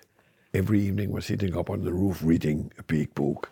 And anatomy, which I later on realized I didn't have to, but uh, I thought I did. And he saw my involvement. We had kids from uh, 6 to 20 years in the ashram. And there was a large group of kids from 6 to 10 years running around the garden in the evening. And I was sitting up there reading. And then he called some of the kids, say, don't you want to play on the roof? You can play on the roof. There's a ladder. You can go up there. so I was finding myself being circled by Indians. uh. Then I slowly realized I was involved. Involved? Yeah, that is what his training was about. Every time I forgot myself, every time I got involved in the situation. They kept doing it until I had to see myself. Then I saw where I was sitting, what I was doing. Mm. Was it that you were too serious about it, or? Yeah, you could say the involvement was that I was too serious. It could mm. have been in that situation. In other situations, it would be other things. Mm. He was very good at showing the involvement that you forgot yourself in some kind of mood or state or attitude. But he never said it. I don't remember him ever criticizing me. Mm, okay. He might have, but then I have suppressed it. I don't remember it. He was able to do it in another way. Even once I got into a fight with two teenage girls in the ashram, that irritated me so much. uh-huh. Why did they irritate you? Well, they were disturbing us. okay. yes. Okay, even then he didn't judge you. No, but he was not my ideal. I could never live the life that he had lived. Mm. He was a very good teacher, and that was my relationship mm. to him. Mm. Okay, I just have like maybe two more questions. We've been talking about this, but the purpose of yoga and meditation, what is that, you would say? Purpose in the society or with one person, or, or what do you mean? Uh, both, maybe. Both. Well, spiritually, as I said in the beginning, I think that's the most serious thing. That is, that at a certain point in the human evolution, the human being will start working on that evolution. It will not just happen unconsciously to a person, which it does throughout our evolution. We have evolved more or less unconscious. But as part of that evolution is also that one day you take part in that evolution. That's very important. Mm. But if we look at it in society, it helps the mental health. If I look at TV in the morning, I see our society as very introvert, very self obsessed. And they talk about diseases and how they're depressed, and oh my God. Get out of that. Yoga can help you. okay. Get out of that. Yeah, let go. Hmm. And how can yoga help you with that? Yeah, well, when you have a regular practice of yoga, it, it's harder to be depressed. And some yoga is more powerful than others, but even just a little regular practice, it's enough to somehow get a better energy. Depression is lack of energy. Mm. You have to have an energy that looks like this, not one that looks like that, It- mm. where everything is depressed. If you have that energy, you're not depressed mm. you will get to know. I mean, yoga is exercise, but yoga is also it grows that knowledge. With me, for instance, that I changed my diet early on was a change that I had to decide, of course.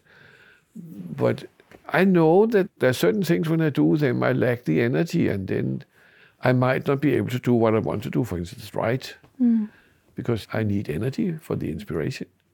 And I can see there are certain things that influence me and other things that doesn't influence me in a positive way, then I might not choose to be uh, subject to them. So there is a certain wisdom growing with it, what you can do and what you can't do. As I said, there were some rules in the beginning, but I didn't follow them. But of course, there is a wisdom. You know when you lose energy and when you gain energy and stuff like that. Energy is just a word for that thing which supports me as a living being. Mm. And I think in society, I think yoga is very important. Mm. When I started teaching, we had many school teachers here, and some of them took Shavasana, lying dead still, with them to their classes, and they did 10 minutes of that before the, the classes. I heard from different schools, and they said, Wow, we do five or 10 minutes of lying still. The class is different which we can see this thing that I learned of lying still in the beginning. When we do that before the big yoga poses, even beginners can do them easily. Whereas if we come in and we warm up with some exciting or some uh, active exercise and then do them, they, they have difficulties. They struggle with them. But if they come out of this one and do them, they take for granted, or the body takes for granted, it can do it. Mm. and that's because you changed the state. Yes, the state, yes. Ah. And what happens when you change the state? You become more available, or Yeah, when you change the state, you see clearer. I don't know. We were making experiments with it some years ago in Copenhagen, Asisa Jyoti and I. It was short classes, two times a week.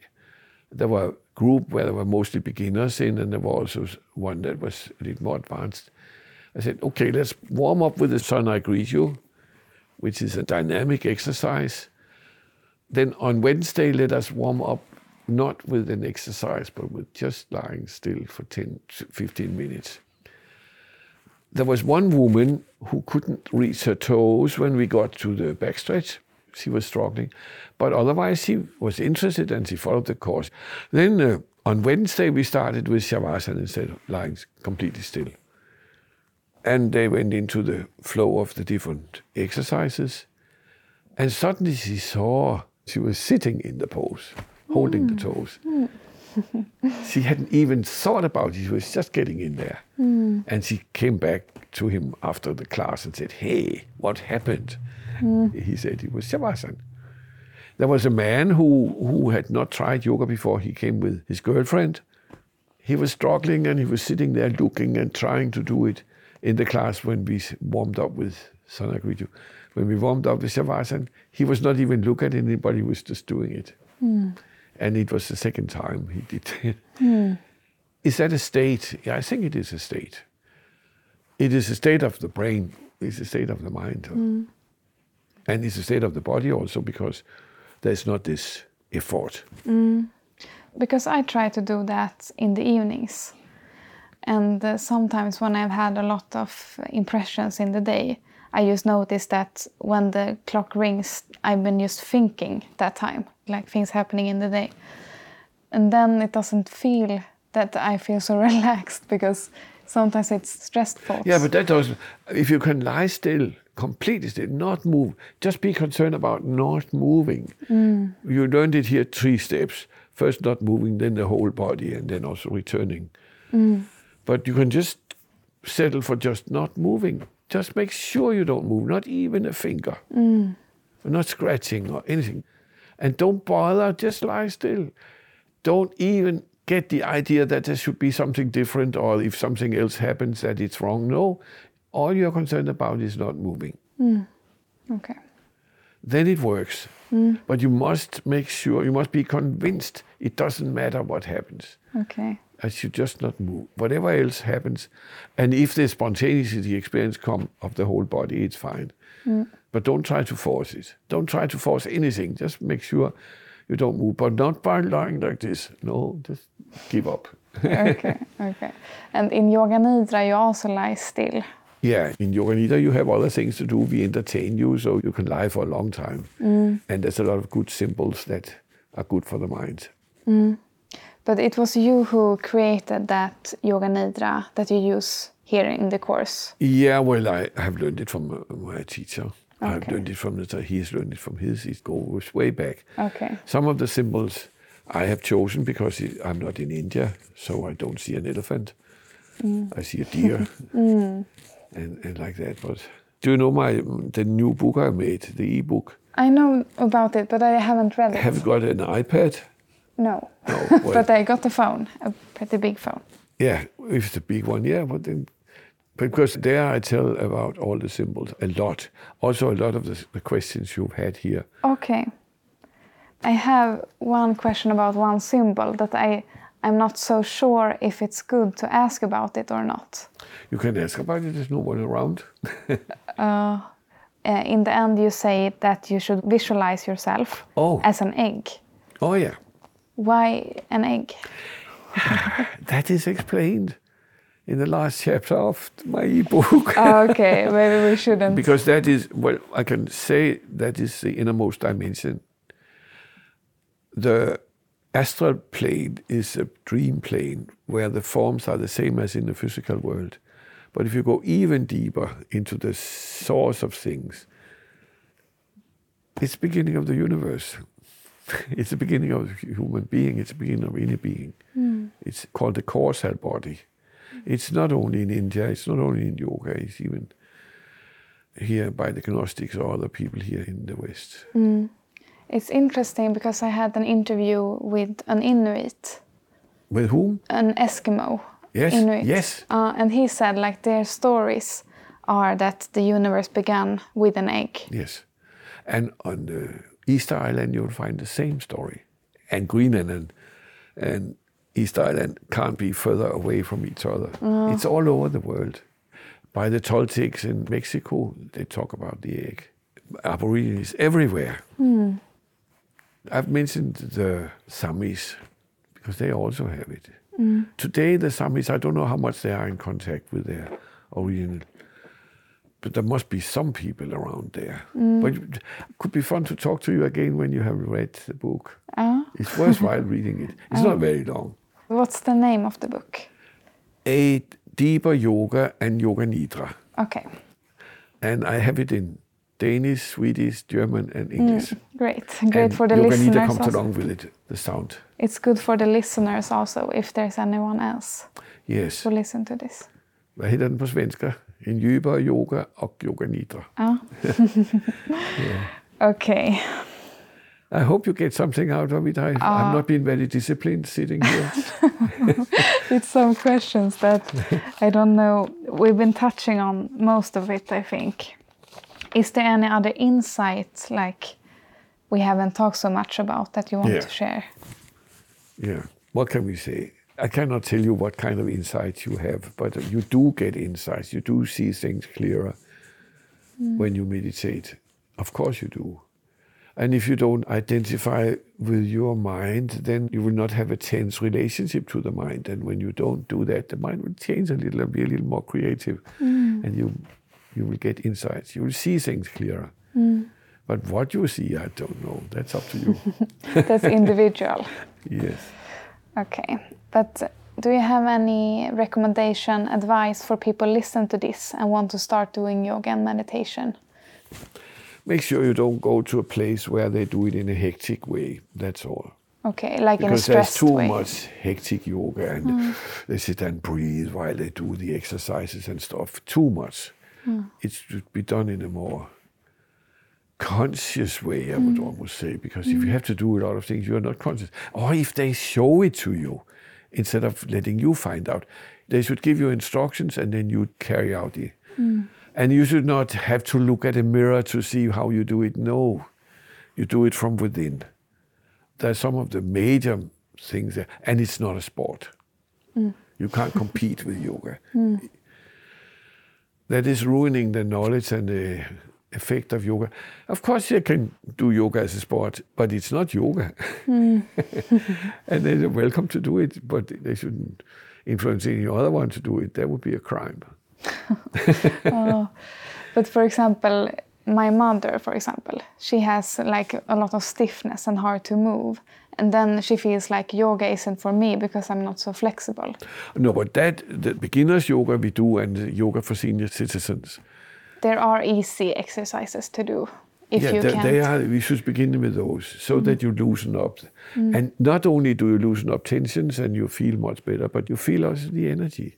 Mm. Not very strong, but when I began, I didn't have much respect for what is called Pavanmuktasana, these small exercises. Mm. But then I started teaching in 1970. I came home to Denmark and very fast I got a job on a school nearby. And I had about 20 people in the class.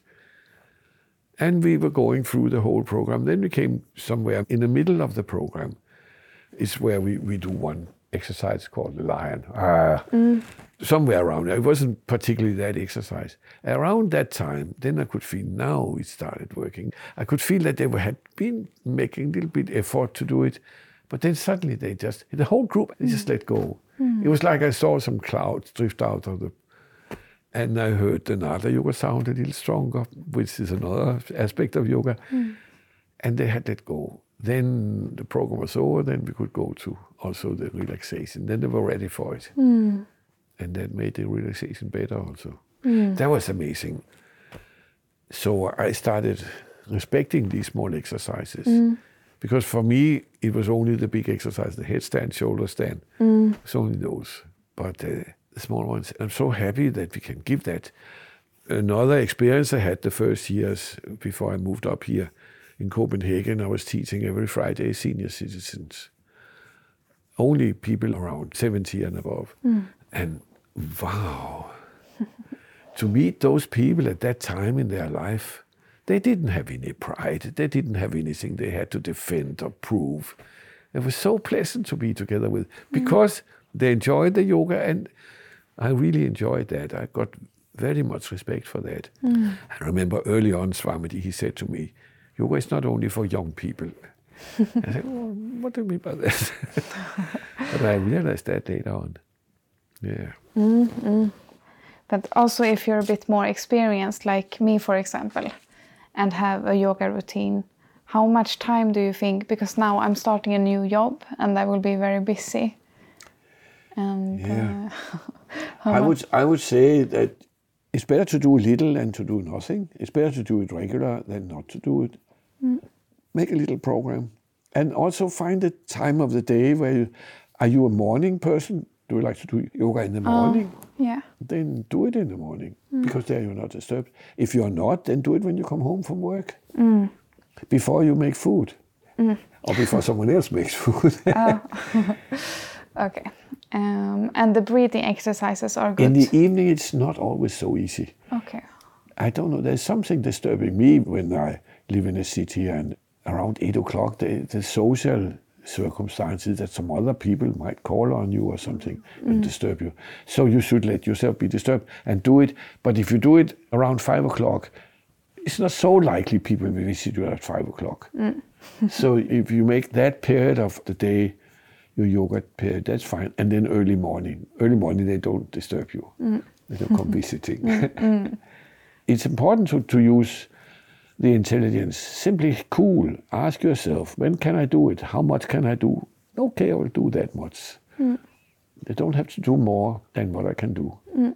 But it's good to get a little bit of yoga, a little bit of breathing, and also Yes, meditation. uh, there is a development. You start with some exercises, a few or many, and then breathing exercises. Let the asanas, the exercises, prepare for the breathing exercises, mm. even if you only do one or two. Mm. In the beginning, if you are doing Nadi Shodhan, it can be easier to do if you do Bhastrika before, mm. as you have learned here. But sometimes when you get a little more advanced, it's better just to have a good program to prepare you and then do Nadi Shodhan alone. Mm. And that's enough. And uh, if you don't have time to do 45 minutes of Yoga Nidra, then do 10 minutes of Shavasana. Quarter of an hour. Yeah. Great. Thank you so much. I think I will end the interview now. yeah, I thought it was fun. I, uh. I didn't expect it to be Okay. this live. I, I, yeah, I forgot the camera. Great. Me too. Okay, but thank you so much. Yes, Sonja thank you. Janakananda. Du har lyssnat på Visdomsjakten med mig och Sofin. Mer info om Swami Anakananda och hans yogaskolor och retreatcenter hittar du på yoga.se. Glöm inte att kolla in hans djupavslappning Experience Yoga Nidra som finns på CD och även på Spotify. Hans e-bok som han pratar om i intervjun heter En djupare yoga och yoga nidra. Och den finns också att köpa via yogaskolan eller på boktjänster på nätet. Vem min nästa gäst blir är ännu inte helt bestämt. Men jag har flera mycket intressanta personer på min lista. Och bland dem så finns det artister, forskare, vildmarksexperter, representanter från ursprungsbefolkningar med mera. Så det får helt enkelt bli en överraskning den här gången. Och det kommer förmodligen dröja lite längre än en månad också den här gången. Men eh, ni får lyssna flera gånger på det här avsnittet och eh, fortsätta på egen hand med er jakt på visdom så länge. Så eh, lovar jag att göra mitt bästa för att få ut nästa avsnitt så snabbt som möjligt till er.